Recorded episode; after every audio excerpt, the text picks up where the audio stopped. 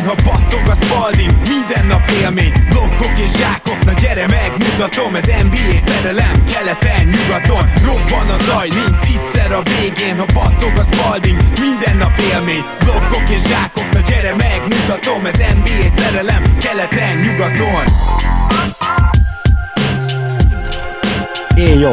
Szép jó napot kívánunk mindenkinek, ez itt a Rap City keleten-nyugaton podcast a mikrofonok mögött Zukály Zoltán és Rédai Gábor. Szia Zoli! Szia Gábor, sziasztok, örülök, hogy itt lehetek. Elnézést kérek az önpromó miatt, de most muszáj ezzel kezdenem, mert amikor ez kijön szombaton ez a podcast, akkor már egy napja kint lesz az első része a másik podcastemnek, ez az Itt és Akkor podcast, így tudjátok megtalálni Facebookon, meg persze Spotin, iTunes-on, az összes nagyobb podcast elérhetőségem vagy csatornán, és ugye a Biton stúdiónál indítom ezt a, ezt a podcastet, történelemről fog szólni, most nem nagyon akarok róla hosszan beszélni, hanem menjetek rá, csekkoljátok mindenképp, és arra is szeretnék megkérni, kedves hallgatók, hogy csináljunk már egy ilyen kis gerilla terjesztést, hogy tegyétek meg azt, hogy akinek van Facebookja, az az első részt megosztja az ismerősei között. Nem fogok többet ilyet kérni, de most valahogy szeretném elindítani a dolgot nyilván, és az elején nagyon sokat segíthettek nekem, és ha ezt megteszitek, akkor ezer hála. Tehát még egyszer itt és akkor podcast. Ezer hála azért is, hogy minket hallgattok és támogattok. Most már december van, úgyhogy hamarosan sorsolunk egyet, viszont addig is megint egy ilyen kicsit extra témával készültünk. Ugye elég jó visszajelzések érkeztek, a, a Zoli ugye csak egy lista erejével volt jelen, de hogy előző pénteken csináltuk ezt a franchise-ok sorbarakását, és most is egy ilyen érdekes téma következik, vagy egy olyan, ami eddig nem nagyon volt. Megpróbáljuk a jelenlegi ligában a legjobban passzoló játékosokat megkeresni, Na most talán felmerülhet, és előre mondom, hogy miért nem. Tehát felmerülhet az, hogy miért nem csinálunk all-time listát. Én, én azt hiszem, hogy semmiből nem lenne nehezebb all-time listát csinálni, mint a legjobban passzoló játékosokból, mert egyszerűen uh, ahhoz nem tudom, Tiny Archibald archív videókat kéne fél óráig nézegetni, tehát az szerintem ilyen több hetes felkészülés, az, az gyakorlatilag lehetetlen. Nyilván scoringba vagy egyébben már sokkal több adat állna a rendelkezésünkre. Na de hát beszélünk is erről, hogy hogy lehet egy ilyen listát egyáltalán meghatározni. Ehhez ehhez viszont mindenképpen szerettünk volna hívni egy szakértő vendéget, aki elmagyarázza egy picit nekünk is, és nem csak nektek azt, hogy milyen mélységei vannak annak, hogy kik az NBA legjobb passzolói mert magának a kosárlabdának a, a passzolás egy gyakorlatilag leggyakrabban használt eleme, és elképesztő mélységei vannak, és nagyon nagy szintjei, sőt talán ezt határozza meg igazán azt, hogy egy játékos miért van ott, ahol, és ehhez pedig nem hívhattunk volna szerintem jobb vendéget, mint kedvenc egyzőnket, Coach T, azaz Gedei Tibit. Hé, jó! Szia, Tibi! Sziasztok, és üdvözlöm a kedves hallgatókat, és ha már az ezer hálák napja van, akkor én is nagyon-nagyon hálás vagyok, hogy meghívtatok. Egy mini spoilert, hogyha esetleg elsütetek, én hallottam már ugye a, a podcastedet, az új podcastedet. Én voltam szerintem az első között, aki megkapta azt az anyagot, amit én picit szkeptikusan fogadtam, mert olyan témáról volt szó, amitől én egy kicsit óckodtam, és utána úgy hívtalak fel, hogy nem csak végighallgattam, hanem hihetetlenül élveztem, és ez most nem egy polkorrekt dicséret, hanem tényleg elképesztően jó, úgyhogy én biztos, hogy hallgatód leszek ott is. Mindenkit nagyon-nagyon-nagyon bátran buzdítok arra és bíztatok arra, hogy hallgassák meg, mert jó anyagot raktatok össze, úgyhogy gratulálok. Nagyon-nagyon várom a mai, mai podcastet és a mai beszélgetést, mert ugye időbe szóltál nekem, tudtam volna készülni, de ti tudjátok, hogy az utóbbi két napom az annyira extrémen telt, hogy egy picit, egy picit én sajnos elmaradtam, és köszönöm szépen, hogy tudtatok hozzám alkalmazkodni, és egy kicsit később tudtuk kezdeni a podcastet, mert ugye emergency költözésen mentem át az utóbbi 12 órába. Semmiség, mi köszönjük, hogy újra elfogadtad a, a meghívás, Tibi, ami, ami gyakorlatilag mindig itt szokott lenni, és tényleg nagyon hálásak vagyunk. Én is üdvözölnek. Én a podcastet, ugye Gábor új podcastjét, történelem podcastet még nem tudtam meghallgatni az első rész, de, de meg fogom én is hallgatni természetesen. És én elég jó fokmérője leszek eh, ennek a dolognak, azt hiszem, mert ha engem magukhoz tudnak így édesgetni, mint hallgatót, akkor szerintem bárkivel van, van reményük, bárkivel szembe. Én a történelmet, volt egy időszak, amikor nagyon érdekelt a történelem, de főleg dokumentumfilmeken keresztül. Podcasteket, ugye ezt mondtam többször, én nagyon sok podcastet nem hallgatok, sőt, kifejezetten keveset is azt is igazából ilyen hézagosan, úgyhogy, úgyhogy én tényleg nagyon jó ilyen fokmérője leszek ennek, Na, akkor majd kérek riportot tőled a következő adásban, de csak őszintén. Akkor viszont szerintem térjünk rá arra, hogy egyrészt, hogy kik a legjobb passzolók. Zoli is és én is hoztunk egy listát, és szerintem mivel elképesztően nehéz még most is meghatározni, hogy, hogy mitől jobb passzoló valaki, mint a másik, ezért most legalább jó esély lesz rá, hogy a listánk nem ugyanúgy néz ki, bár azért gyaníthatóan nagyjából hasonló nevek merülnek föl, de először azt szeretném valahogy felvezetni, hogy mitől lesz valaki jó passzoló, és én ezt öt részre osztottam, és ott majd meg is kérnélek, Tibi, hogy egyenként kommentáld, de most csak végigmondom.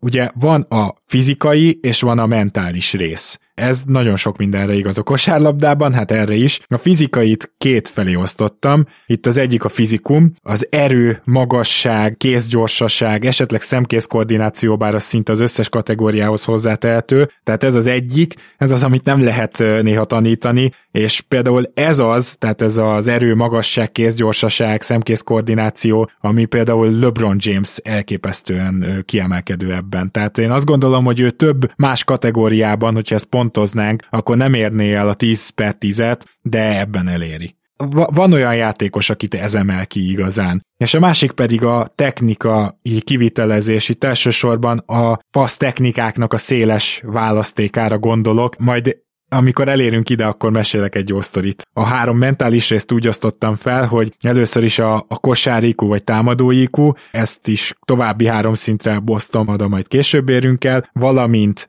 a kreativitást vettem még ide, mert ez egy külön dolog, tehát lehet valaki nagyon jó kosárikúval megáldva, de attól még nem kell, hogy kreatív legyen, és szintén külön dolog a koncentrációs képesség vagy konzisztencia, és ugye például ez a koncentrációs képesség, vagy, vagy ez az állandóan mindig jó helyre megy a passz, és tényleg mindig meg tudja csinálni, ez szerintem majd a listánk elején lévő emberekre lesz jobban jellemző, itt a nagyon jó passzolók között is. Na de akkor kezdjük a legelsővel, tehát gyakorlatilag fizikum, erő, magasság, kézgyorsaság, szemkész koordináció. Miért fontos ez, Tibi? Mi az, ami mondjuk egy magas játékos, ha jól passzol, akkor ezt ki tudsz használni például akár egyzőként is, és ugye a te jelenlegi csapatodban pont van is egy-két ilyen játékos. Igen, igen, ezt igazából két részre, de lehet, hogy még több részre bontaná. Szerintem egyébként a fontosabb rész a fizikumban az, hogy el tudunk jutni azokra a helyekre, ahonnan lehet passzolni. Szerintem ez a legfontosabb, és ez az, amiben James mondjuk, vagy Luka Doncic, akik ugye magasak és erősek, eszmetlenül jó példák. Hogy úgy tudják egy-egybe, kettő-kettőbe lebontani a védelmet, úgy tudnak azokra a helyekre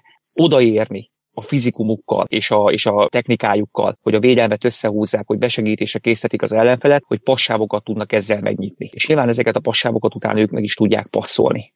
Mind technikailag, ugye mind taktikailag. A másik pedig vannak olyan passzelemek nyilván a kosárlabdában, a készfeletti passzokra gondolok leginkább, amiket egyszerűen nem lehet törpe vagy alacsony növésű játékosként meglőni. Itt is ugye James és Doncic nagyon-nagyon jó példa, mert ők azok, akik, akik double ki tudják passzolni bármilyen szituációban, négy készfelet ki tudják passzolni, illetve hát ugye a jól passzoló centereknek is ez a egyik sajátossága, és most nem csak Jokicsra gondolok, hanem mondjuk egy Mason is mondhatunk, aki szintén nem csak meglátja és nem csak kihasználja, hogy ugye sokkal-sokkal magasabban tudja elindítani a paszt, hanem nagyon jó helyre passzol és nagyon jó ütembe passzol. Igen, és szerintem itt rögtön hozzá is csatolnám a második részét, amit azt hittem, hogy ugye a technikai kivitelezés. Nagyon vicces volt, hogy beszélgettünk, szerintem legalább másfél éve volt már, azt hiszem, hogy átugrottál hozzám, és akkor még, még kosárlabda is volt talán a kezünkben, nem tudom, de beszélgettünk erről, hogy a kosárlabda képzése, mi, mi a baj azzal, ahogy mondjuk Tesi órán a kosárlabdához esetleg hozzáálltak korábban, és akkor megkérdezted tőlem, hogy melyik passz gyakoroltátok ti egyzésen. Mondom, hát ugye a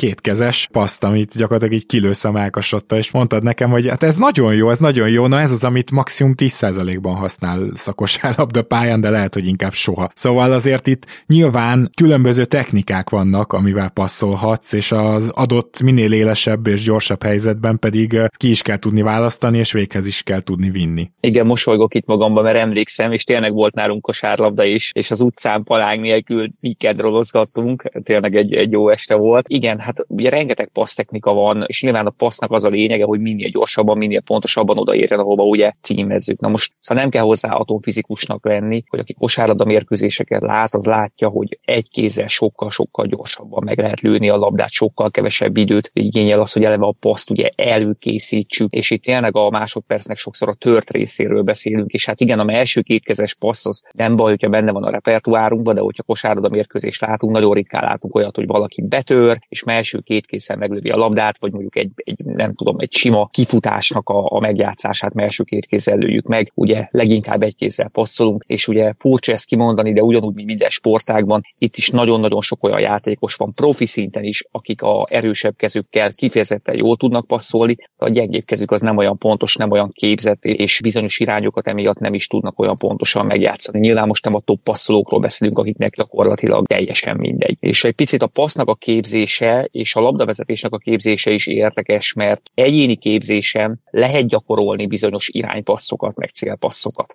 De hogy mérkőzésen mi mi adaptálódik, mi az, amit elő tud a játékos ebből hozni, nagyon sok esetben tényleg minimális. Hiszen ugye a mérkőzésen a védelem is teljesen változik, nem ugyanazokat a szöveket kell megpasszolni. Egy izolált, egy, egy laboratóriumi körülmények között nyilván ezek a dolgok nagyon-nagyon könnyűnek tűnnek. És ugye a labdavezetést azért hoztam fel, mert az pont ugyanolyan, nagyon sok olyan játékos láttam, akik egyéni képzésen fantasztikus dolgokat tudnak megcsinálni a labdával. Tényleg kívülről nézed, és esetleg laikus, hogy akkor azt gondolod, hogy úristen, hát ez egy labda zsonglőr. És eljön a mérkőzés, mérkőzés, és jön egy icipici pressz, fizikai pressz, és most nem is arról, hogy másról beszélünk, hogy, hogy van tétje annak, amit csinálunk, hanem csak ott van egy védő, és ennek a skillsetnek nem hazudok, van, hogy az 5%-a, hogyha megmarad.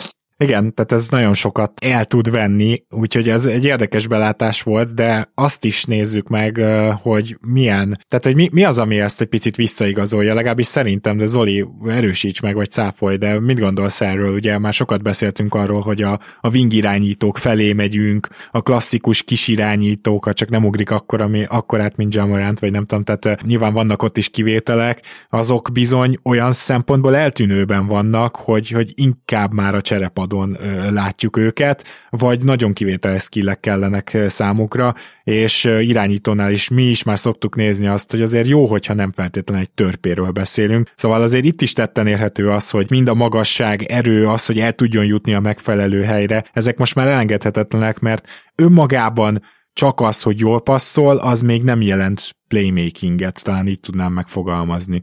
Annyi érdekes témát feldobtatok a, a nagy témánkon belül, hogy nem tudok nem csapongani egy kicsit itt, itt az elején. Amikor beszéltetek picit, és főleg Tibi említett ugye a, a szemkész koordinációt, hogy az egyik kezed ügyesebb mindig, és hogy, hogy az jutott eszembe, hogy amikor nagyon kicsi voltam, meg ilyen 10-11 éves, és én ugye kézilabdáztam, és elősz, először elkezdtem kosárlabdázni, és addig, addig nem is néztem mérkőzéseket, és az volt bennem, hogy hát a dobás maga az ugye két kézzel történik, és és aztán nyilván elkezdesz játszani, és, és rájössz arra, hogy, hogy ugye mit csinál a, a rosszabbik kéz, ugye, ugye segíti azt, hogy, hogy a dobó mozdulatod egészen az utolsó pillanatig a labda ott maradjon ugye a helyébe, és igazából maga a dobás az egy kézzel történik már. És most az jutott eszem, hogyha megkérdeznénk olyan laikusokat, akik soha nem kosaraztak, és nem is nagyon néznek meccseket, mondjuk lehet, hogy évente egyet látnak véletlenül a tévébe, és megkérdeznénk tőlük, hogy kosárlabdában a dobás, ez hogyan történik? Egy kézzel dob valaki, vagy ugye két kézzel? Szerintem a, a nagy döntő többség azt mondaná, hogy, hogy igazából két kézzel, tehát hogy az utolsó pillanatig is mind a két kéz érinti a labdát, és egyébként vannak olyanok, akik így is dobnak,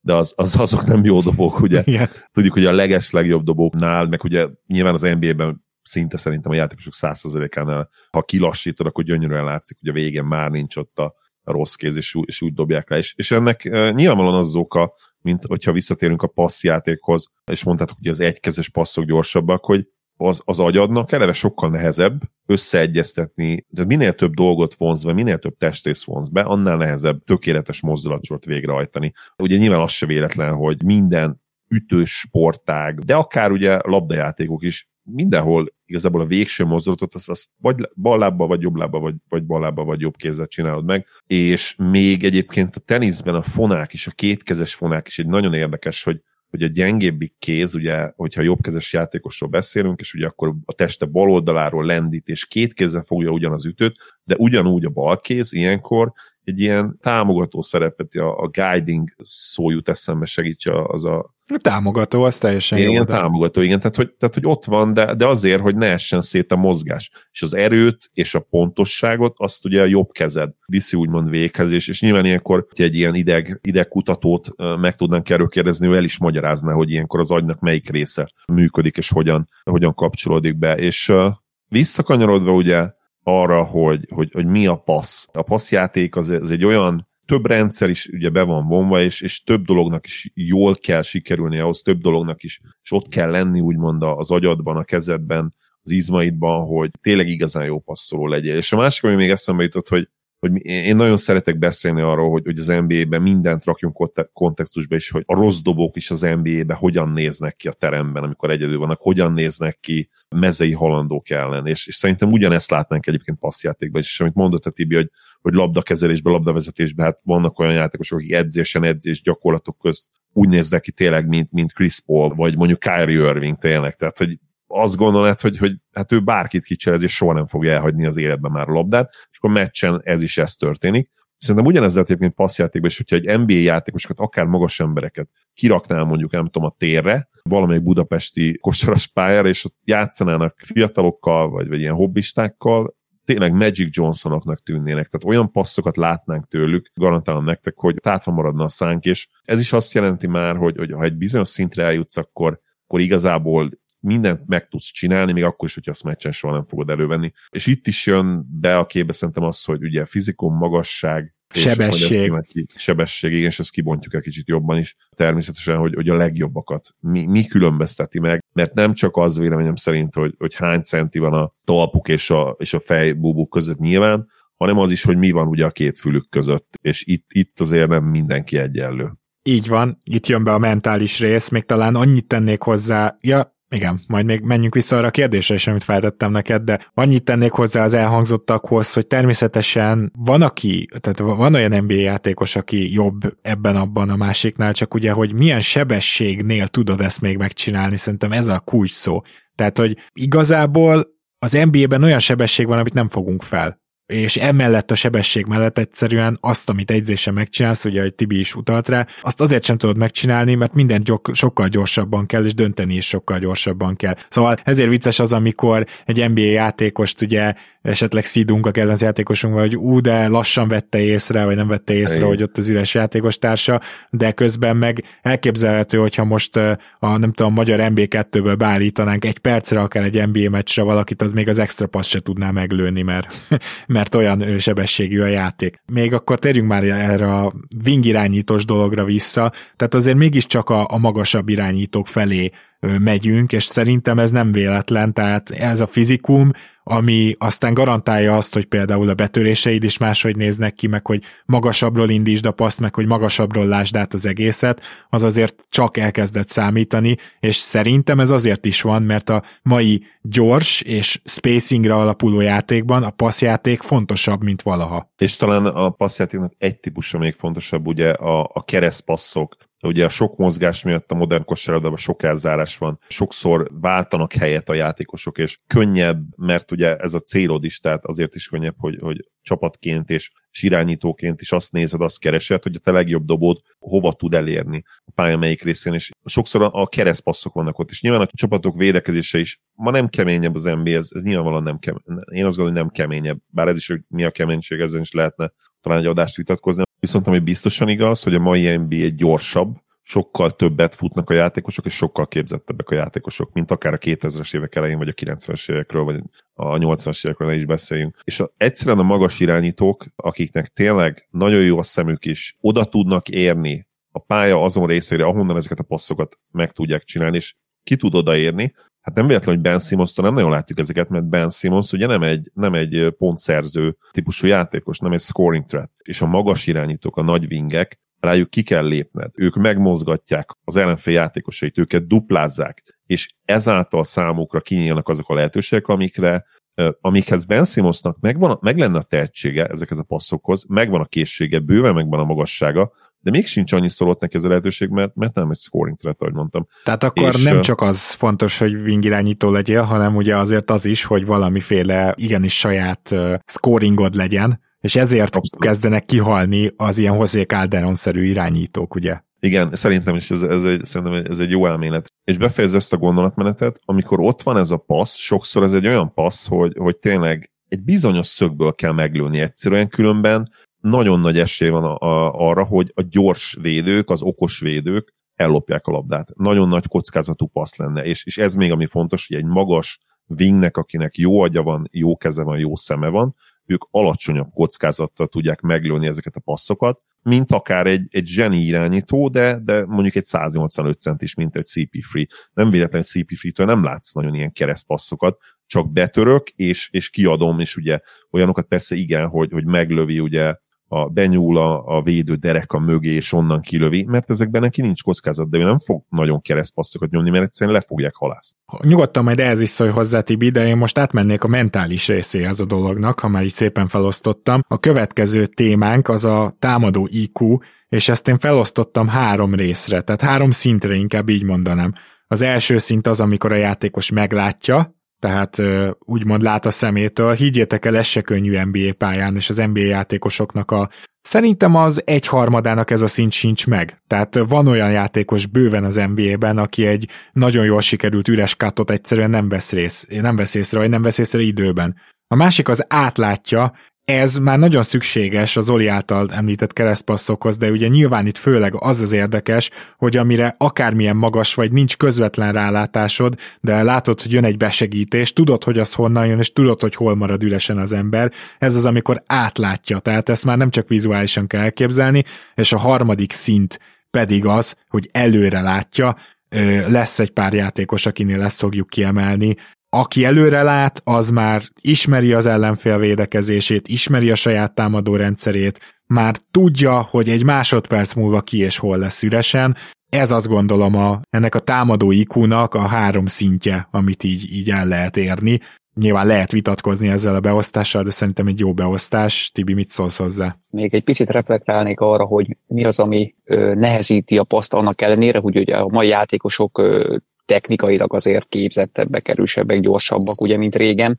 Hát ugye az, hogy a védekezés is rengeteget fejlődött, és ugye a, amit keresztpassznak hívtok, ugye az, hogy a, a weak side-ot próbálják megpasszolni a játékosok, az leginkább azért is van, mert ugye onnan jön a segítés, és hát nyilván az ellenfélnek pont az a dolga, hogy azokat a passávokat, amik kvázi veszélyes passávok, azokat lezárják, és ugye egy keresztpassz, egy weak side passz mindig lassabb lesz, ugye, mint egy labda oldali passz, hiszen ugye a labda hosszabb utat tesz meg, és az ellenfélnek több ideje lesz reagálni, hogy amit rotálásnak nevezünk, lerotálni. És ugye itt is fontos az, hogy milyen csapattársaid vannak, mert a csapattársnak is felelőssége az, hogy a megfelelő passávot azt megnyissa.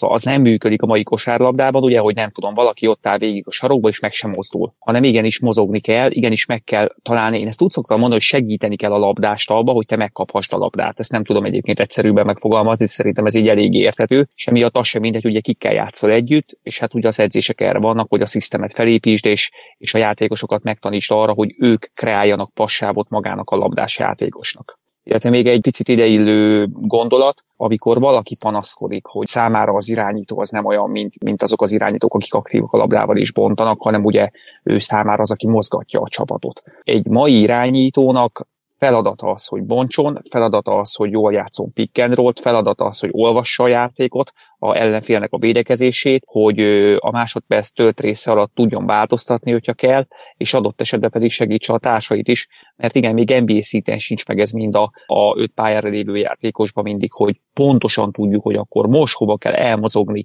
most hova kell állni, most mit tudunk változtatni, hogy segítsük egymásnak a munkáját. Ez hülye gondolat volt? Nem szerintem. Nem, nem, teljesen rendben van. Jó. Rátérve ugye a, a, háló, a három mentál részedre, a három szintre arra, hogy meglátja, átlátja, vagy előrelátja. Nekem az a tapasztalatom, hogy, hogy amikor videózunk és utólagos elemzés van, akkor a játékosok fogják a fejüket, hogy milyen basic extra passzokat az egy passzra lévőres játékos nem látjuk meg, és, és nagyon-nagyon nehéz erre választ találni, hogy ennek pontosan mi lehet az oka. Itt azért kontaktba kell lenni ugye a pályán kilenc játékossal és a labdával. Szóval itt látnod kell, hogy hol vannak a te csapattársaid minden egyes másodpercben, hol van az öt védőjátékos minden egyes másodpercben, és ugye, hogy hol van a labda. És ugye nyilván ez egy folyamatos, olyan jellegű koncentrációt igényel, amit nagyon-nagyon sokszor még edzésen gyakorolni nehéz is, hiszen sok esetben nem tudjuk, hogy az ellenfél pontosan hogy fog reagálni az összes helyzetre. és ezek a közhelyek, hogy a fejnek folyamatosan járni kell, hogy gyakorlatilag kis túlzással lábad is folyamatosan jár, folyamatosan mozgásba vagy, ezek nagyon-nagyon nehezen építhető dolgok, és azt látom, hogy akikben ez ösztönszerűen megvan, azokból lesz ugye elit playmaker, uh-huh. milyen pozícióba, bármilyen poszton. Nagyon tetszett az a gondolat, amikor azt mondtad, hogy még NBA szinten is a játékosoknak körülbelül egy harmada sok esetben basic passzokat nem vesz észre. Ugye ne felejtsük el, hogy az NBA-ben nagyon-nagyon letisztultak most már a szerepek. Az NBA-ben teljesen normális dolog az, hogy mondjuk egy kezdőtös úgy épül fel, hogy van egy primary ball handler, meg egy secondary, akik ugye lejátszák a, az akcióknak a nagy részét, akikre épül a támadójáték, van mondjuk egy 3 and aki ezekkel a helyzetekkel gyakorlatilag nem is nagyon találkozik, nem is nagyon tud ezekbe fejlődni. Persze vannak ugye, Desmond Bate hívtuk, hoztuk fel példának, hogy lehet ezekbe fejlődni, de ahhoz, hogy fejlődj, ahhoz ezekbe a helyzetekbe benne kell lenned. És ugye könnyű egy újoncnak, akit egy rossz csapatban draftolnak, odaadják a labdát, és azt mondják, hogy haver, csináld és hibáz, és teljesen mindegy, mit csinálsz, majd két év múlva ez jó lesz, mert ő egy ilyen mérkőzésen 60-80-40 mikor mennyi helyzetet él át. De 3 játékos gyakorlatilag azért felelős, hogy ugye a spacinget ne roncsa el, hogy az üres három pontos bedobja és védekezzen, és ezeknél a játékosoknál nem is fog fejlődni olyan szinten ez, a, ez az alappaszkészség, amit te ugye az első kategóriába tettél be. Persze, attól még nagyon-nagyon bosszantó, amikor egy extra passz nem veszünk észre. Tényleg egy egy passzra lévő üres játékosnak nem mondjuk oda a labdát kell ütembe, de tényleg nem elvárható ez szerintem minden játékostól. Zoli, nem tudom, emlékszel -e, hogy csináltunk egy külön adást a Jeremy Grant jelenség miatt annó, és ez pont erről szól, hogy hogy az ilyen 3 wingeket, hogy, hogy nagyobb szerepbe megnézzük, hogy esetleg képes rá, hogy továbbfejleszthesse magát. Valóban, tehát amit Tibi mond, hogy, hogy még NBA szinten sem nagyon történik meg ez, és szerintem Desmond Bain is kiváló példa, akit a Grizzlies nagyon tudatosan nem csak 3 nek akar használni, és ugye ennek most már elég durván megvannak a jelei, de szóval ugye már nagyon mondják ezt az NBA-ben, ami mindenki mindenhez ért, de ez még nem igaz, és nyilván van egy-két ilyen elég érdekes kísérlet, mint a Raptorsnál, ahol mindenkinek fel kell tudni hozni a labdát, meg Achiuva is megkapja azt a szerepet, hogy akár kreáljon, még akkor is a szörnyen rosszul csinálja. Szóval, hogy azt látjuk, hogy azért egyre többen mennek e felé, de azért szerintem nagy általánosságban még igaz, amit a Tibi mondott, hogy valójában az első-második számú ballhandlerök találkoznak egyáltalán ezekkel a szitukkal, és gyakorolják ezeket, és fejlődnek. Itt a szerencse is belejátszik ezekbe, tehát hogy milyen csapatban vagy épp, milyen célokat tűznek ki, ez is fontos, meg az is, hogy az edző mit lát benned, mert itt, itt biztos, hogy vannak olyan rejtett, nem is úgy rejtett tehetségek, hogy olyan játékosok, akit nem ismerünk, hanem azon játékosoknak, akiket ismerünk, akikről tudjuk, hogy milyen szerepben jók, de itt, itt biztos, hogy vannak rejtett tehetségek ebből a szempontból, és tudja, hogy vannak olyan játékosok, akik, akik nem igazán ballhandlerek most, de tudnának azok lenni egy más rendszerben, egy más csapatban. Jó kérdés az, ha mondjuk fel akarjuk tenni, és miért akarnánk feltenni, mert szerintem érdekes kérdés, hogy lehet-e az esetleg a jövő NBA-je, hogy kimaxolod mindenkinek a tehetségét, és, és hogy, hogy összeraksz egy olyan rendszert, mint amit mondtál például, hogy a Raptorsnál, hogy, hogy mindenkinek fejlődnie kell mindenbe, mert nem tudjuk, hogy mi lesz. Vagy lehet akár ez is ugye a taktika, hogy akkor hogy ne lehessen mondjuk például igen, tehát mondjuk egy switch védekezés ellen ugye mennyire jól jön az, hogyha mondjuk van csak egy gyengébb védő, azt bárki meg tudja támadni. Igen, csak ugye ezzel meg elveszed a, a possession a labdabirtoklásokat, az értékes labdabirtoklásokat azoktól, akik lehet, hogy ki tudják maxolni. Tehát mindkét elméletnek van, van ugye vetület, érdekes vetület. Az egyiket ugye látjuk, tehát magas usage játékosok által kimaxolt egy maximum két játékoson keresztül kimaxolt rendszerek, ugye a, leghíresebb, legeklatánsabb példa, nem spoilerezek, ma fogunk még beszélni Luka Doncsicsról, a mostani Mavericks ez itt már át, átesett a ló túloldalára valószínűleg, és itt már, itt már olyan mértékű nyomás van rajta, hogy most miért ugye a keret összetétele miatt, vagy, vagy egyéb okokból ő is benne van ebbe, az edző Kid is benne van ebbe, ez egy nehéz kérdés, de, de itt már ez a rendszer így most jelen pillanatban nem működik, ezt látjuk, de még mindig szerintem ezek a rendszerek a jelenlegi modern nba jobbak, mint, mint az, ami esetleg egy Raptors kimaxolva, ez a, ez a Raptors szteroidokon történet lehetne, mert ahhoz szerintem egyszerűen nincs még meg a talent. Ahhoz kell három-négy olyan játékos, aki tényleg rohadt jó. Igen, de szerintem a, a Boston és a Clippers is valami hasonló úton jár, és azért náluk a talenttel sincs gond, bár hát ugye majd Kavajt meglátjuk, hogy mennyire, mennyire lesz még játékos. Szóval azért vannak olyan, azt gondolom, hogy vannak olyan rendszerek, és vannak olyan keretek, amik egalitáriánusabbak azért annál, hogy azt mondjuk, hogy, hogy egy vagy két játékos nagyon kizárólagosan uralná a labdát, és a, azért... Igen, csak ott van szeg, de az, ezek is mások lehetnének, hogyha, hogyha ott lenne egy, egy Doncsics vagy egy LeBron szerintem. Hát tehát, nyilvánvalóan, hogy, igen. Igen, tehát hogy itt, itt akkor megint visszamegyünk ahhoz a kérdéshez, hogy, hogy, hogy mi kell ahhoz, hogy ez egyszer működjön. Lehet, hogy az, hogy legyen egy csapatban három darab LeBron James, ami, ami nyilván soha nem fog megtörténni. Tehát. Igen. Viszont menjünk tovább, mert szerettem volna valahogy egy olyan szempontot is behozni, amiken keresztül a zseniket le tudjuk mérni, és ezért a három fele osztott mentális rész második fele nálam, vagy második harmada, az a kreativitás, és szerintem nagyon jól külön lehet kezelni, mert a kreativitás az, hogy olyan passzokat csinálsz meg a pályán, amit mások el se tudnak képzelni. Tehát amihez már képzelőerő kell. Azt hiszem, hogy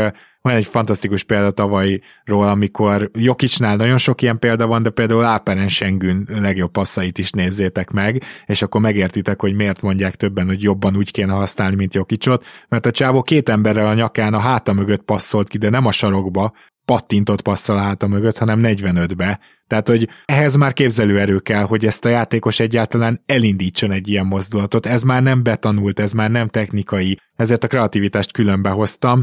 Nem hiszem, hogy erről nagyon kéne beszélnünk, de ha igen, akkor beszéljünk együtt az ötödik és harmadik mentális szempontról, amit még itt külön kiemelnék, az a koncentrációs kép- készség és a konzisztencia.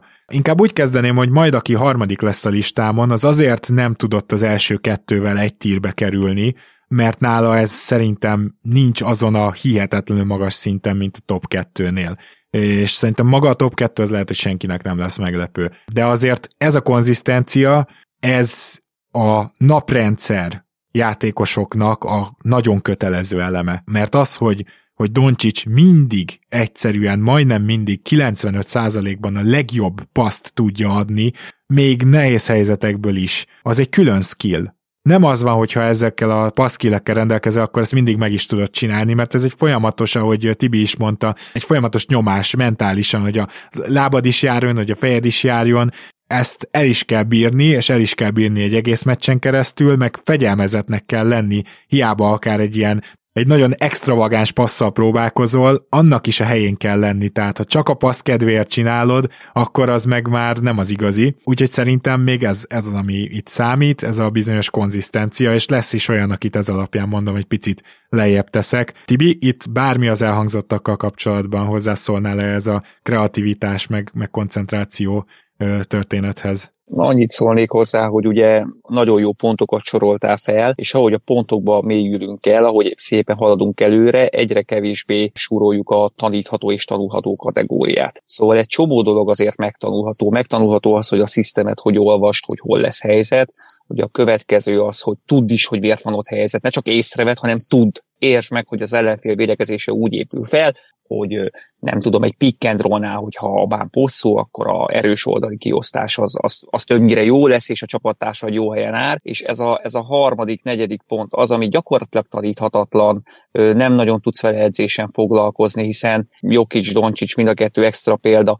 Ki az az edző, aki nekik ezt konkrétan mind technikailag, mind taktikailag meg tudja tanítani. Hát nagyon senki. Olyan vele született dolgok, olyan adottságok, ami őket kiemeli ebbe az elit színbe. És ezekről nagyon nehéz is beszélni, mert nem tudom, nekem is van olyan játékosom, aki azért az átlagnál sokkal-sokkal-sokkal jobban passzol, és ö, nem érzem azt, hogy úristen, ő ezt edzésen tudatosan gyakorolja egyszerűen. Olyan hihetetlen érzéke van arra, hogy átlássa, mi történik, hogy, hogy előre lásson szó szerint dolgokat, hogy ösztönből olvassa az ellenfélnek a védekezésének azokat a hibáit, amikre nem tudunk előre készülni, hiszen ugye a hibákat elkövetjük mi is, elköveti az ellenfél is, és ott az adott pillanatban kell reagálni. Ezek olyan fantasztikus ösztönszerű dolgok, amik, amik ha valakiben megvannak, akkor igen, abból lehet naprendszer kosárlabdázó. Illetve ugye a kreativitásnál meg külön kiemelném, hogy gondoljatok a passzcselekre, a félrenézős, más másfele nézek, másfele passzolok, vagy az, hogy bemozdulok valamilyen irányba, hogy erre reagáljon a,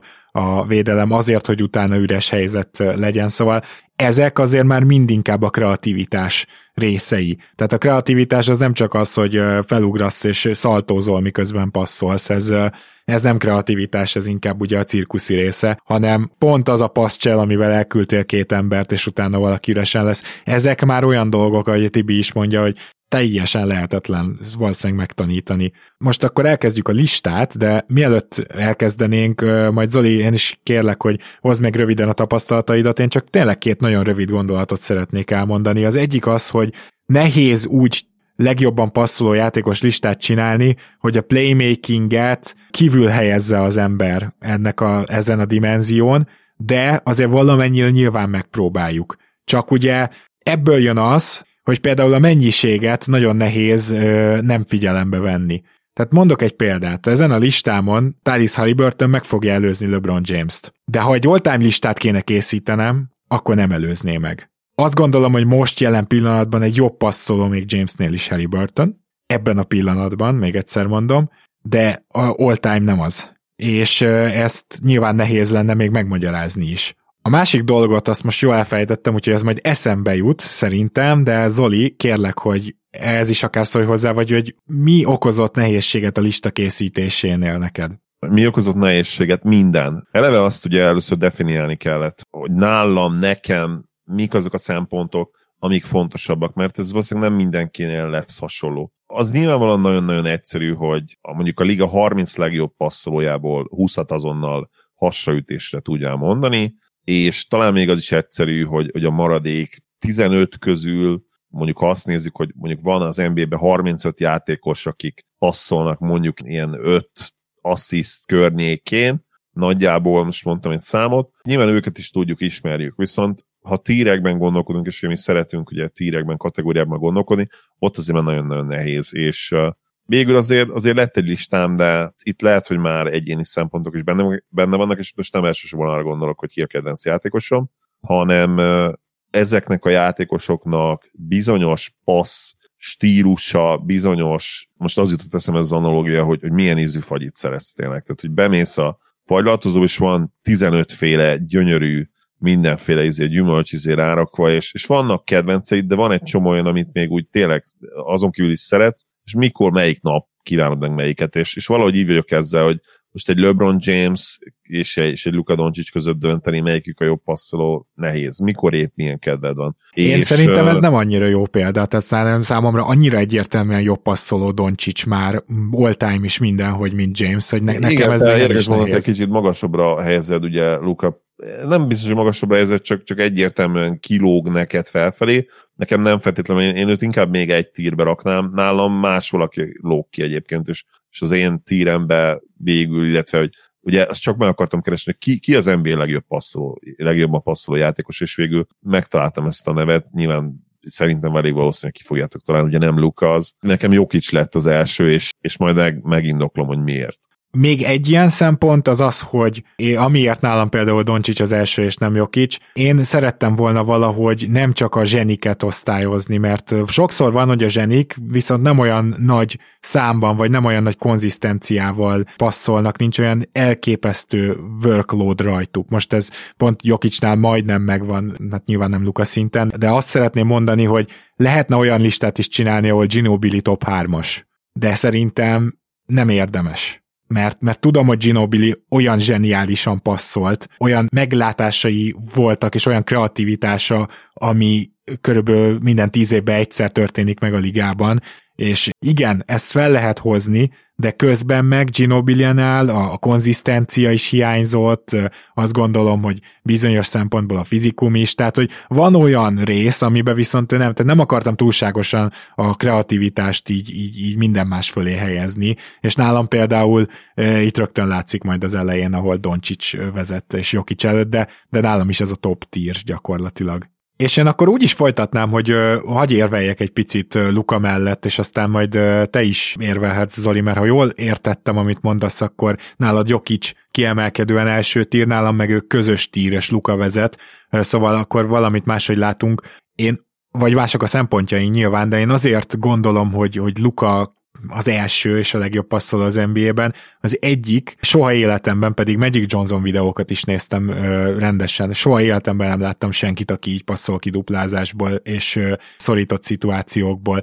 Pedig én ugye Nessen nőttem igazán bele a kosárlabdába, és szerintem Nessről mindenkinek, aki látta őt játszani, megvan egy olyan jelenet, hogy betör, befut, és már kiesik az alapvonalon, és valakinek a háta mögött még visszapasszolja. De, de az lesz a lepördülés után az a híres, igen. Igen, tehát és hogy... felugrásból azt hiszem. Évek felug mindenhonnan, és ő, ő még ugye nem is volt magas se, de, de Doncsicsnál ez valami egészen félmetes szintet ölt, tehát amikor mondjuk úgy csapdázták be, ez ide, idei jelenet, de hát ez nála három meccsenként megismétlődik, hogy mert esik ki az, a, az oldalvonalnál, tehát már ül bele a nézőlébe, és ő közben még a legjobb paszt választja, és átküldi a túlsó sarokba, ahol nyilvánvalóan olyan ö, üresen van már a illető, hogy kinő körülötte a fű, de hát az egész védekezés már, már rámozdult arra, hogy itt most labdaszerzés lesz, és hogy ebből a szituációból valaki még azon gondolkozik, hogy melyik is a legjobb passz, és ki van üresen, az szerintem olyan abszurd dolog, amit én igazából soha nem láttam senkitől ilyen konzisztensen.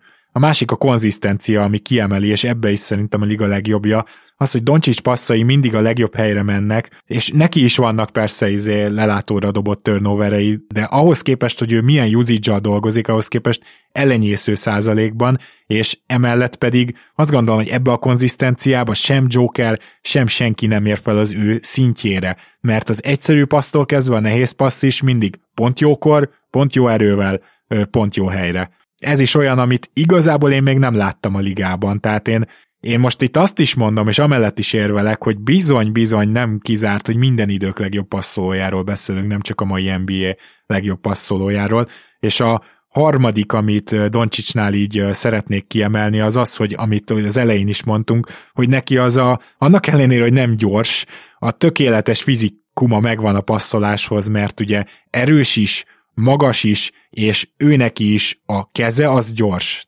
Egyébként ebben mondjuk Jokic a legdurvább. Tehát ő, ő a nagy mafla, akinek olyan csukló mozdulatai vannak, amivel pingpongozni is elmehetett volna, mert hihetetlen. Csak azt akarom mondani, hogy Doncsics ebbe is top 2-3 maximum, hogy, hogy milyen hihetetlenül ö, gyorsan tudja kivitelezni a technikákat, ami a passzhoz kell. Úgyhogy ezek olyan dolgok, amiben mind top 3, de leginkább top 1 Doncsics, és szerintem ez emeli ki őt, ezért ő a legjobb passzoló, miközben Joker mellett számomra csak az szól, hogy ő a legkreatívabb jelenleg az NBA-ben. És itt szerintem az gyorsan akkor túl is tárgyaltjuk, mert én pont emiatt a kreativitás miatt raktam őt első helyre. Amikor beszéltem arról, hogy kinek mi van a két füle között, azt gondolom, hogy ebben nem hogy első Joker, hanem, hanem valószínűleg akkora különbséggel vezet, mint mondjuk Jannis, hogyha azt keressük, hogy ki az NBA legjobb mindenféle szempontból legösszetettebb, legjobb atlétája. A vízilabdás passzok, ugye akkor a kézilabdás passzok, mondjuk mind a kettőből szoktunk látni, tehát vízilabdás tovább pöcizett passzok, háttal a, a gyűrűnek, illetve a, az egykezes kézilabdás passzok egész pályásak. Tehát ilyen frekvenciával senki nem csinálja őket. Egyébként ebben még Luka nagyon-nagyon jó az egykezes passzokban, valószínűleg ő a, ő a második legjobb ebben. És ez a kreativitás, ez a, ez a flair, ez az extra ami miatt nekem jó kics, és, és amiatt, hogy idén tényleg tehát gyakorlatilag irányító mennyiségű asszisztot átlagol, és, és a, a Denvernek a támadójátéka az, az gyakorlatilag levéthetetlen, úgy is, hogy sokan még nem játszották úgy igazán formában magukat. Tehát egy olyan Jamal Murray-vel voltak levéthetetlenek az első kb. 20 meccsen most, ho, a, aki borzasztóan pocsék formába kezdte ezt a szezont, és, és gyakorlatilag mínusz egy ember volt a pályán. Belegondolni is félelmetes, hogy milyen lesz az a Denver támadójáték majd a, a playoff közelettével, és ennek, ennek első számú oka természetesen ugye Nikola Jokic, aki az advanced statokat nézve és minden egyebet nézve semmivel nem rosszabb játékos, mint tavaly, sőt, még lehet, hogy még, még egy szintet tényleg rápakolt erre az egészre passzjátékban, passz frekvenciában igen, ezért első nálam. De Luka nincs messze, és, és ő, ő a második nálam, és ő is, ő is külön tír jelenleg. De akkor Majd abban végül is egyet is értünk, a... nem Zoli, hogy, hogy Luka az összetette passzoló, tehát Jokisnak, ha nagyon kicsi, nem gyengeségei, nem, nem topságai vannak, elnézést a magyar tal megfogalmazásért, abban meg Luka, Luka tök első, csak egyszerűen neked a, a zseniség az többet számított. Igen, meg, meg azt akartam még elmondani, amit eszembe jutott, hogyha ha Jokicsot beleraknánk Luka testébe, szerintem ugyanolyan jó passzoló lenne, mint Luka, vagy Igen. még egy kicsivel jobb. Persze, persze. És, és ezért, ezért első nálam. Tehát, tehát az, hogy centerként, és, és azért Jokic amennyire lehet, azért hozza fel a labdákat. Nyilván egy, egy 211 centis mackó nem fogja mindig felhozni a labdát, de amikor épp felhozza, és face játékosként szembe a gyűrűvel, játékokat hív, ugyanolyan hatékony, mint hogy tényleg egy irányító lenne. Nyilván nem fogja ész nélkül szembevezetni a labdát mindenkivel, mert ellopnák egyszerűen a kicsik tőle, ugye ez egyszerű, egyszerű fizika.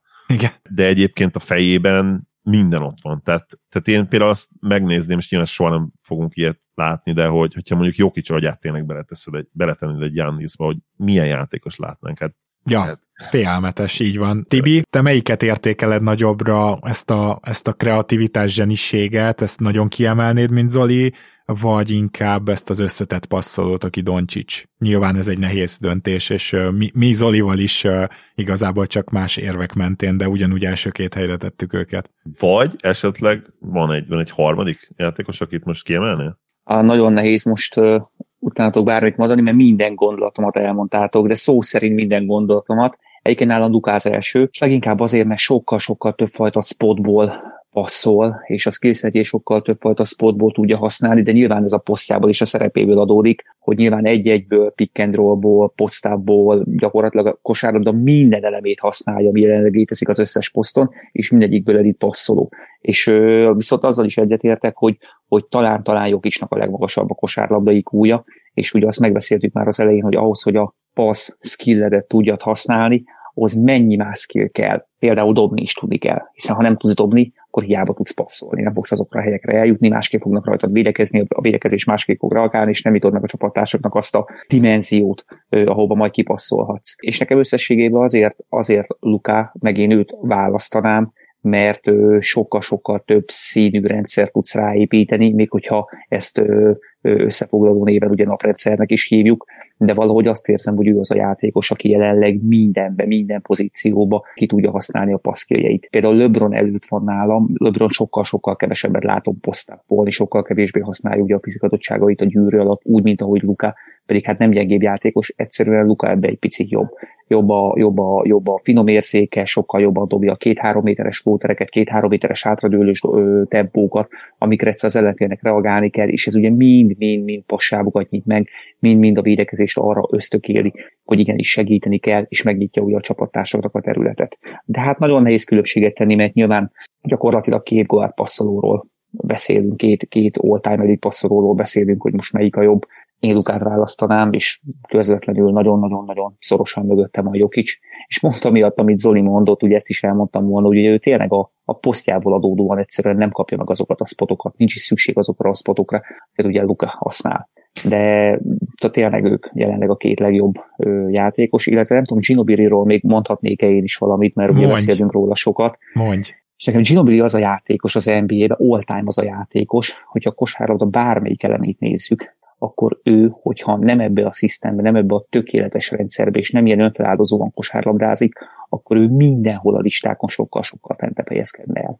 És legyen ez védekezés, legyen ez passzkészség, legyen ez pick and roll játék, legyen ez dobás, tényleg kis túlzással, ő mindenben szerintem sokkal jobb volt, mint amit kvázi láttunk tőle, pedig hát szenzációs dolgokat láttunk tőle, és hát ez nem a Spursnek a hibája, hanem ez a Spursnek ugye az erénye volt. Én meg szeretném úgy folytatni, hogy bedobjam a nagy meglepetés bombámat, mármint szerintem ez sok hallgatónak az lesz, de kíváncsi vagyok, hogy esetleg nektek is. Szóval volt egy olyan játékos, aki felmerült bennem, hogy ebbe a tírbe tegyek. De aztán végül a következő, nálam egyébként négy főből álló tírbe került, és Szóval, szóval ő billegett, igazából a konzisztencia nem, azt nem tartottam megfelelőnek, és szerintem most a hallgatóknak a fejében végig pörög, pörgött egy pár olyan név, ami elhangzott már itt, de ez a név még nem hangzott el. Zoli, megkérdezhetem, hogy nálad ki a harmadik? A következő tírednek a tetején ki van? Vonakodtam itt, hogy kit választok végül, végül CP Free-t, a Point Godot választottam. Oké, okay, oké. Okay. Na nálam ő negyedik, de nekem van egy játékos, aki, akit úgy raktam harmadik helyre, mondom, hogy majdnem Doncsicsékkal együtt, és ez Lamelo Ball. Gondoltam. Ah, akkor, akkor neked is közel lehetett. Top 5-be volt, de mondjuk a, egyszerűen még nekem kicsi minta ő, plusz plusz látnom kell azt még benne, amit te látsz, amiről beszéltünk már, és a, amivel kapcsolatban azt hiszem elmondtam az adásban, és én nem teljesen értek egyet. Én még annyira nem látom benne a zsenit. Nyilván a zseniális passzokat látom, csak, csak még nekem azok, azok nem annyira frekventáltak, hogy, hogy ide ebbe a tírbe vegyem CP3-vel. Hozzáteszem nyilván, hogy és itt, itt, itt CP nagyon sokat gondolkodtam, hogy most akkor nála mennyire súlyozzam azt a hihetetlen assziszt és labda eladás arányt, amiben ugye gyakorlatilag minden idők legjobbja, és végül abban maradtam, hogy ez nyilván előny,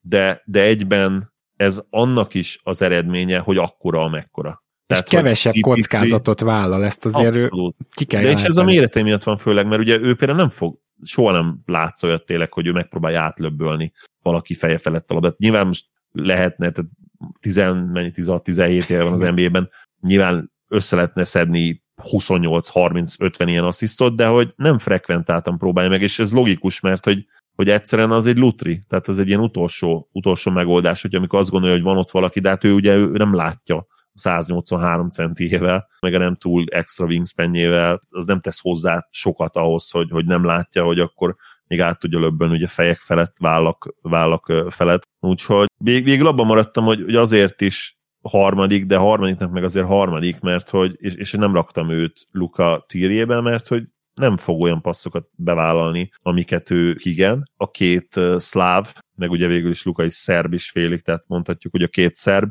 És az az igazság, hogy cpg nem látok azért olyan passzokat sem feltétlenül olyan frekventáltan, mint Nesnél, hogy, hogy lábak között csípő, csípő mellett. Tehát nyilván ebből is találnánk százat, mert 16 év, de nem érzem azt a meccseit nézve, ez kicsit anekdotikus is, hogy ő, hogy ő annyi úristen láz, látta ezt a paszt dolgot húz meg, hanem, hanem neki ez valahogy kevésbé frekvent. Tehát ő sokszor abból építkezik, hogy alacsony, és minden idők egyik legjobb labdavezetője, és minden idők egyik legdurvább, ugye midrange középtávoli veszély forrása, és ezt a hármat kombinálja úgy, hogy kivár, kivár, kivár, ugye ez a szondázás, amiben Nash is zseniális volt, és a végén megtalálja ezt a paszt, de de az, az úgymond már a, akkor már az a legjobb passz, az már nem is nagyon lehet egy zseni passz, mert akkor az már általában egy ilyen könnyű befejezés, vagy egy üres tripla, és nem érzed azt, hogy ő teremtette meg a passz játékával azt a helyzetet, hanem azzal teremtette meg, hogy elindította a play-t amúgy. Valahogy ő azzal, azzal teremti meg, ami, hát ő, am,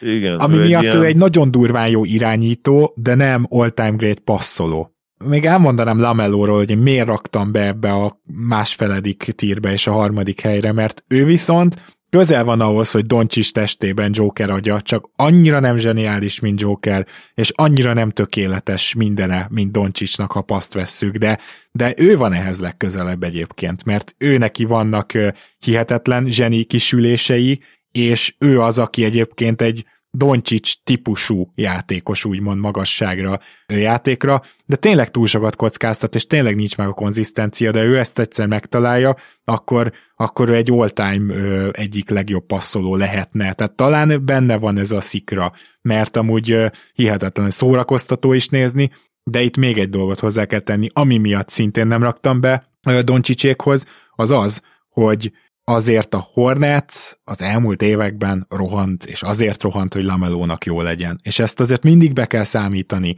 szerintem, hogy, hogy egy transitionbe természetesen ott vannak a legkönnyebb kosarak és passzok, tehát törekednek rá a csapatok, és nem véletlenül, de ha most a passzkészséget nézzük, egy transitionbe a legjobb passzolók szinte már ugyanolyan fergeteges szinten vannak. Tehát, hogy hogy azért itt a félpályás támadást kell nézni, és ott sincs még szerintem Doncsics szintjén, mert ő mégiscsak hozzá kell hasonlítani a hasonló típusú játékos, annak ellenére, hogy Doncsicsnál egy kicsit zsenibb szerintem. Tehát, hogy ő közel van Jokicshoz ezekbe a hihetetlen meglátásaiba. Na de hát ez a konzisztencia, Zoli, te is egyből ugye ezt mondtad gyakorlatilag, ami miatt lejjebb raktad.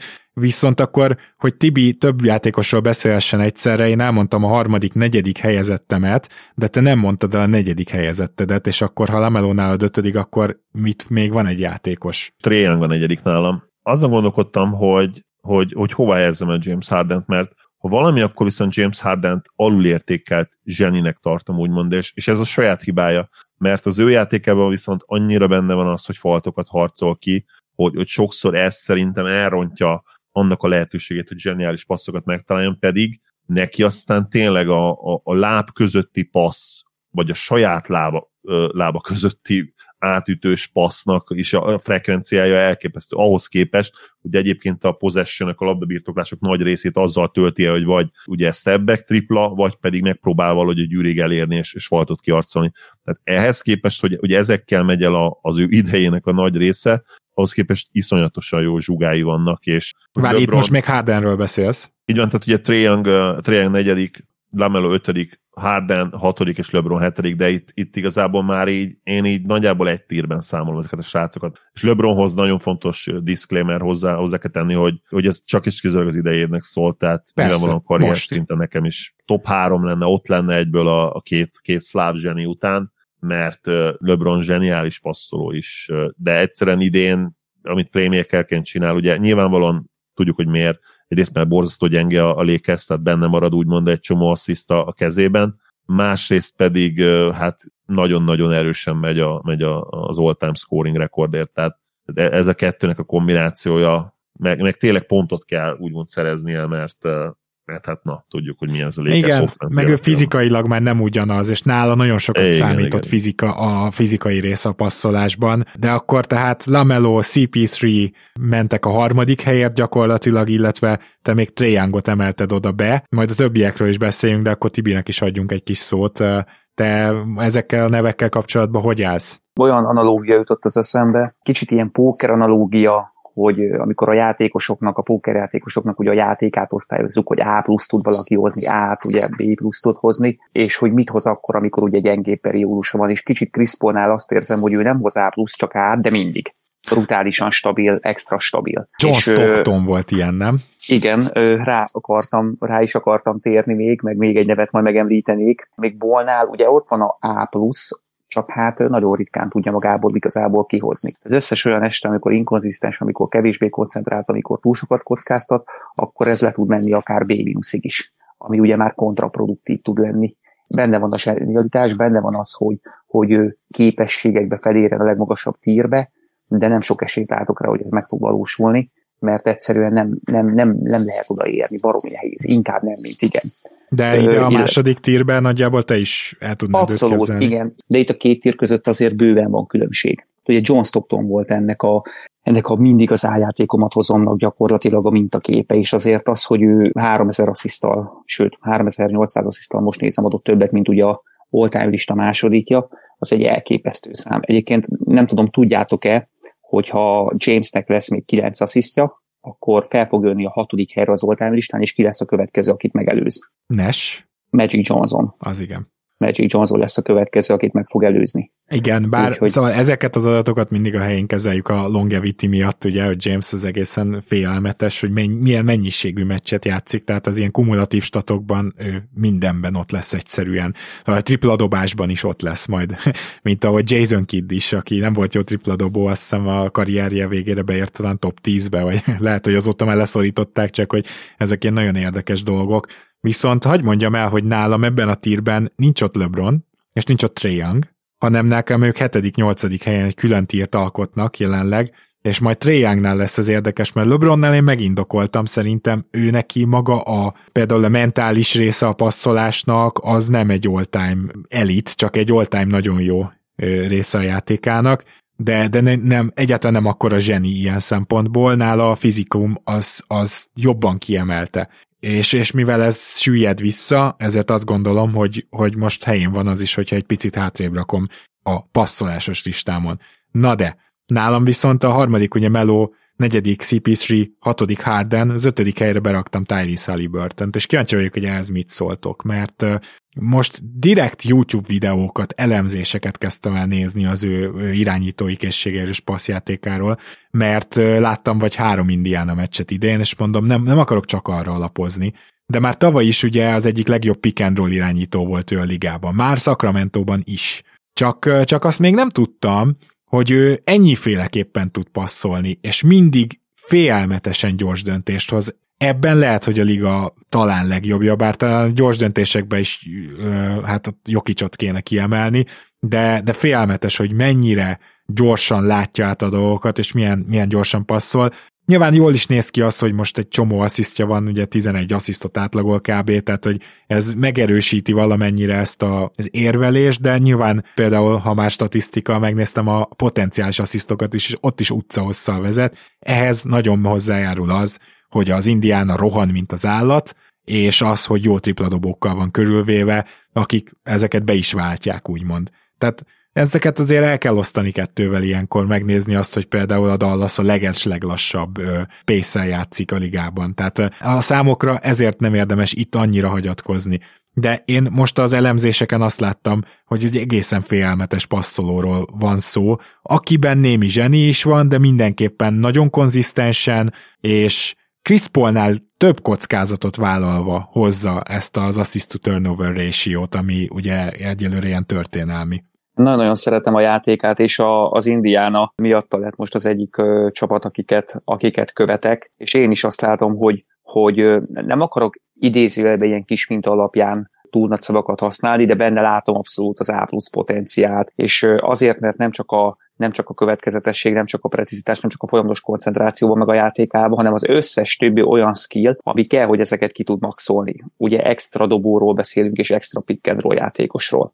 Gyakorlatilag ő tényleg lehet a következő, aki a legesleg felső tírbe feliratkozik, és igazából semmi nem kell neki hozzá, csak ö, ugyanilyen évek, mint mm. amit most idén hoz mert idén most még nem tudom, 20 meccs alapján szerintem ezt nem biztos, hogy illő lenne rámondani, de hogyha most lehoz három ilyen évet, és nem sokkal jobb, csak ilyen évet, akkor biztos vagyok benne, hogy őt a legfelső tírbe kell raknunk, és hát ugye, ahogy mondani szokták, ezt az assziszt mennyiséget azért nem a szél fújta össze, és független attól, hogy az Indiánál rohan, nagy pénzsel dolgozik, sokkal több a tranzíció, sokkal több a fezebrék, és vannak ebből könnyű asszisztok, azért Halliburtonnél látszik, hogy ő nem csak ebbe jó, hanem feláll védelemben is meg tudja találni a társakat, és mondom, nagyon-nagyon fontos, hogy nehéz ellene védekezni, nehéz az ő passzait levédeni, mert minden tud, tud pick játszani, és ugye nagyon-nagyon jó dobó, elit dobó, konkrétan elit dobó. Úgyhogy nálam ő az ilyen titkos favorit, aki, aki mondjuk nem tudom, három év múlva All NBA First Team is lehet. Zolival mind a ketten nagyon szeretjük, úgyhogy csak osztozni tudunk rajta, de most az A pluszt azt azért nem mint játékos mondott, hanem most ugye passzolásról beszélünk, ezt hangsúlyozzuk. Abszolút, igen, igen, igen, igen, igen, igen. Hogy ugye a, a, az, az én tírémet, hogyha építem fel, akkor nálam furcsa ezt kimondani, ugye 15-800 asszisztal, de John Stockton inkább A, és azért sokat láttam játszani, de hát ő tényleg ugye az akkori korban még a pick and roll védekezés nem igazán volt annyira fejlett, mint most, nyilván ők tökére fejlesztették, az akkori kor pick and roll offenzét ugye Melonnal, és ezt ki szeretném hangsúlyozni az akkori kor védekezése ellen, illetve hát rengeteg olyan idézőre safety paszt adott, ami akkoriban még bőven belefért. És ott még tényleg a, a pass és a klasszikus irányítók írája működhetett. Ezeknek a, az utolsó mohikány az körülbelül Chris Paul, és ugye Halliburton már abszolút szerintem nem ilyen típusú mert hát ő ugye lehet egy nagyon-nagyon komoly támadó fegyver is, viszont ezek a skillek, amik, amik passzfüggetlenek, például a dobás, kell ahhoz, hogy a passzkészsége A pluszos legyen. És neki ugye megvannak ezek a skillek. Szóval uh. valaki, aki, aki nem tudja megnyitni a pályát egy-egyből, kettő-kettőből is dobással, annak igazából hiába van extra passzkilje, nem fog soha A plusz, kerül, A plusz kategóriába, de még A-ba se kerülni, mert egyszer lehetetlen. Mert ezek nélkül nem működik, ennyire komplex ez a játék. Zoli, akkor itt Trey young egy kis összehasonlítás. Te beraktad Trey Youngot ebbe a tírbe, és nem raktad be Halliburton-t, én meg ugye fordítva cselekedtem. Nálad mi volt a motiváció? Az elsődleges ok nyilván az, hogy, hogy Halliburtonnek, bár ugye tavaly is egyébként zseniális volt, mint passzoló, nem volt azért még ezen a szinten. Ugye, hogyha például megnézzük a potential assist listát, akkor tavaly épp hogy benne volt a top 10-be, és idén ez, ahogy mondtad, a pace, a usage az, hogy tényleg gyakorlatilag nem nagyon van playmaker rajta kívül, ugye most már ebben a csapatban ez, ez egy eléggé azt jelenti, hogy minden, minden az ő kezében folyik össze. Nyilván meg kell süvegelni őt azért, hogy, hogy tényleg ezek az asszisztok úgy találják meg a, a csapattársakat, hogy kevésszer is adja el a labdát. Egyébként minden, minden egyéb passzoló advanced ugye itt még, még secondary assistbe is egyébként egész jól állt, tehát tehát hogyha ő visszakapja a labdát, abból is nem feltétlenül dob mindig, hanem, hanem tök jól megtalálja, önzetlenül megtalálja a még jobb dobást. Annyi, hogy, hogy nagyon-nagyon fiatal még, viszonylag új tőle ez a szerep, és úgymond elég kicsi mint, tehát tavaly is ő jó passzoló volt, de nem ez a passzoló volt. Tehát én még nem feltétlenül hiszem el ezt. Trey Youngnál viszont egy nagyobb mintánk van most már, és, és ő azért minden évben ott van a gyakorlatilag a top 3-ban mindenféle passzoló metrik alapján. Igen, csak én azt gondolom, hogy Trey Youngnak hogy is mondjam, csak a passzjátéka, az abból ered, hogy ő egyszerre gravitációs irányító is, tehát egyszerre tud 10 méterről is veszélyes lenni, és egyszerre pick and roll irányító is, és ez most nem, ez, ez egy nagyon jó játékos ettől, csak hogy egyébként ő neki a passz kreativitása, vagy például az, hogy teljesen előre látja mindig a helyzeteket, az nem annyira van meg. É, például a loppasszai sem a legjobbak az NBA-be, tehát hogy, hogy így, így passz tehetségben én nem gondolom őt jobbnak Halliburtonnél. Mit, mit gondolsz erről? Nálam azért ez még árnyaltabb, és ha jelen pillanatban az kellene megtippelnem, és itt nyilván nem, nem néztem meg az összes elérhető mérkőzésüket, és számoltam meg ezeket a wow asszisztokat, de, de nekem Tré picivel nagyobb frekvenciában nyomja ezeket, mint, mint Halliburton. Az, az én eddigi részben azért anekdotikus tapasztalatom szerint. Oké, okay, oké. Okay. Akkor viszont a top 8, az nem tudom, hogy ugyanaz-e mindkettőnknél, ha csak nem Halliburtonnál a nyolcadik. De ő a nyolcadik. Akkor igen. a top 8 ugyanaz. Akkor viszont menjünk, egészítsük ki itt az adás vége felé a top 10-et. Én nálam itt két olyan játékos következik, akit egyiket sem fogja az átlagember megtalálni, bár, bár az egyiket igen. Feltétlenül az assist listák legelején, de zseniális passzolók, a kilencedik legjobb passzoló szerintem Josh Giddy, és a tizedik az Draymond Green. Nálad hogy alakult a tíz? Itt több játékosból gondolkodtam, de végül, végül azért döntöttem ezen két játékos mellett, és itt egy, itt egy harmadik veteránban is gondolkodtam, akkor el is mondom, hogy kik ezek, ugye. Draymond Green, aki, aki nekem ilyen mini Jokic, és, és szerettem volna itt díjazni azt, hogy még egy olyan játékos, aki nem irányító, ugye, mert rajtuk kívül gyakorlatilag mindenki irányító ezen a listán, még akkor is, hogyha ugye magas big winként, időnként akár erőcsatárnak is berakhatjuk LeBron, meg volt olyan szezon, amikor elvileg PF volt a basketball referenc szerint, de hát ugyanúgy irányító volt, ugye, mint ahogy idén is irányító, tehát azért ne legyenek kétségeink. Akkor 9-ből 9 egyezik. Uh, Josh Giddy nem fog? Josh Giddy nem, nagyon pici minta még, ott lesz ő is, mint Big Wing, mint magas irányító, mint nagy irányító nyilván, de, de egyelőre még nem, és Mike Conley-t raktam ide. Azért lett Conley nekem itt, mert itt, itt szerettem volna díjazni még egy olyan játékost, aki ugye szintén veterán, nagyon nagy mintával rendelkezik, és, és ő igazából soha nem volt az a, az, az igazi pass first irányító, de nem volt ez az igazi se, valahol a kettő között, és, és idén úgy látom, hogy még tovább, ha lehet ezt mondani, így 35 évesen még tovább fejlesztette ezt a, ezt a passzkészséget, és még jobban belát abba, hogy ő igenis tud, és, és, és akar jól irányítani, és, és itt most tényleg azt is beszélünk, hogy ugye ez a karrieri alatt ez a hat asszisztos játékos idén, ez egy nyolc asszisztos játékos vált, és ez nem csak szemléletkülönbség, hanem szerintem ő fejlődött folyamatosan az évek során, mint irányító, mert, mert hogy egyre inkább lassult, ő soha nem volt egy nagy atléta, sokat dolgozott a, a pick and roll játékán is, és, és egyre intelligensebb lett, és, és szerintem, hogyha úgymond ő arra menne rá, hogy 10 asszisztot átlagoljon, szerintem neki az is, az is abszolút benne lenne a, a pakliban, nyilván hozzátéve, hogy ugye ma már 30 perc alatt játszik, tehát ezért is azért impresszív az a 7,9 assziszt. Mindenképpen meglepő, tehát én 15-ig írtam a listámat, és utána felírtam még a plusz futottak méget, és csak abba szerepelt Conley, tehát uh, majd lehet, hogy máshogy nézem a jazz meccseket ezután. Én szerintem Josh Giddy sokkal, tehát zseniálisabb passzoló, jobban lát a pályán, magasabb is, lehet, hogy még a tapasztalat és a rutin nincs ott, de szerintem minden másban jobb passzoló, mint Káli, tehát nálam nem is ő vele versenyzett. Na de akkor ezekről a játékosokról is egy pár szót mondjál, Tibi. Hát Greenről könyvet lehetne írni, hogy a Green Curry pick and rollokat, a hedge védik, akkor az ezekből adódó 4-3-as előnyöket Green hogy játsza le mert az gyakorlatilag fantasztikus, hogy ő az, aki észreveszi, hogyha a Dunker spotban álló Lulinak kell feladni, hogyha weak ki kell passzolni, a katolót kell megpasszolni, hogyha végig kell vinni, és be kell dobni, vagy be kell zsákolni, és ezekben fantasztikus mind a mellett, hogy nyilván extra körfizsönye van, nagyon-nagyon magas kosárlabdi és abszolút szisztembarát játéka van.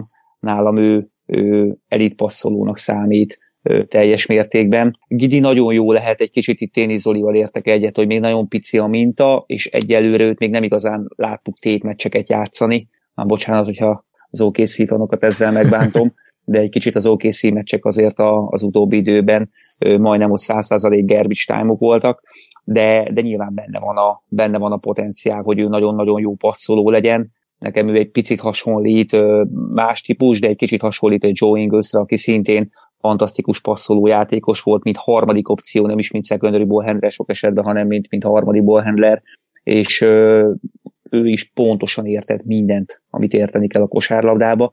Más kérdés, hogy ugye a fizikai adottságaiból és a skillsetjéből adódóan nem lesz annyi passz lehetősége, illetve hát én még egy történelmi játékost említenék meg, aki, aki úgy volt ö, fantasztikus passzoló, hogy igazából dobása nem volt, egy idő után ugye csak állóhelyes triplája, jumpere gyakorlatilag soha nem volt, nem is feltétlenül az erős pickendről élába ö, játszott, és ugye így is ötszörös gólpassz király tudott lenni, és ezen kívül még kétszer átlagolt 10 passz felett, ugye Jason Kidről beszélünk, és muszáj őt megemlítenem, mert ha jobbra nézek, akkor pont látom az aláír kidmezeimet, és ugye nekem ő all-time kedvenc játékosom, és amit nála ki tudnék emelni, amiről ugye nem beszéltünk, hiszen folyamatosan arról beszéltünk, legalábbis én, hogy mennyi minden kell, mennyi nem passz skill kell ahhoz, hogy a passzkészséget kijöjjön.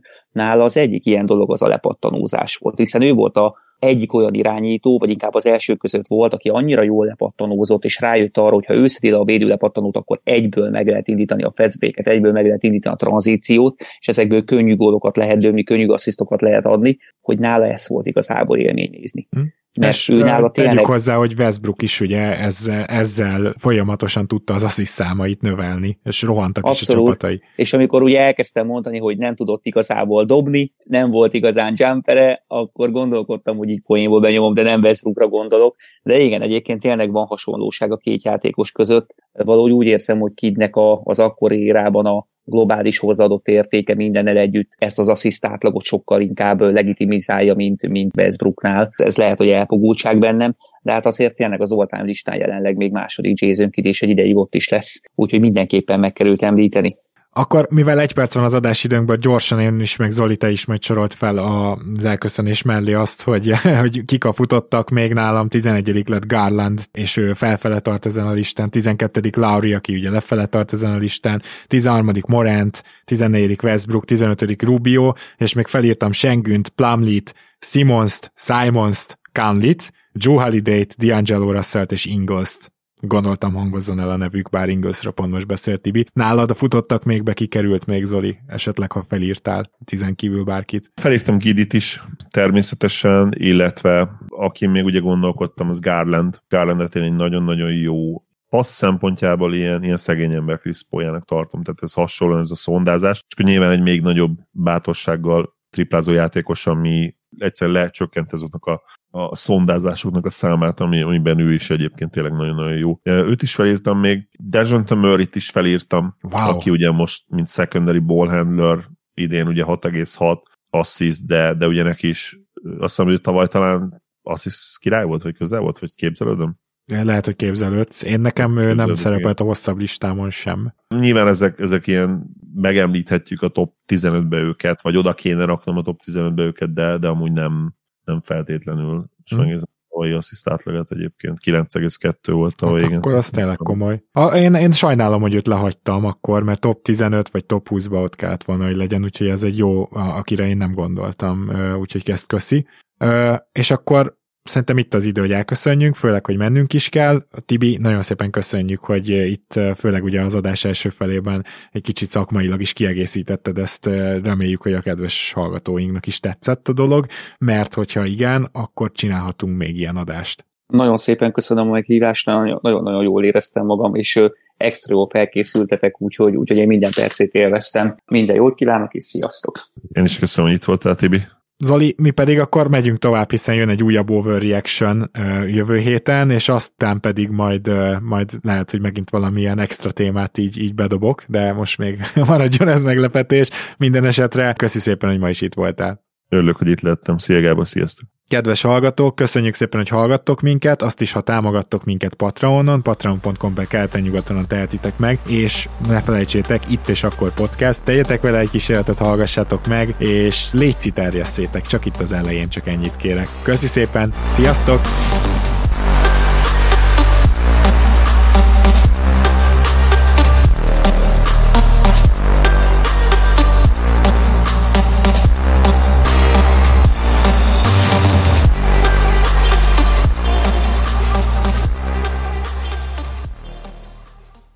Ha más podcastekre is kíváncsi vagy, hallgassd meg a Béton műsor ajánlóját.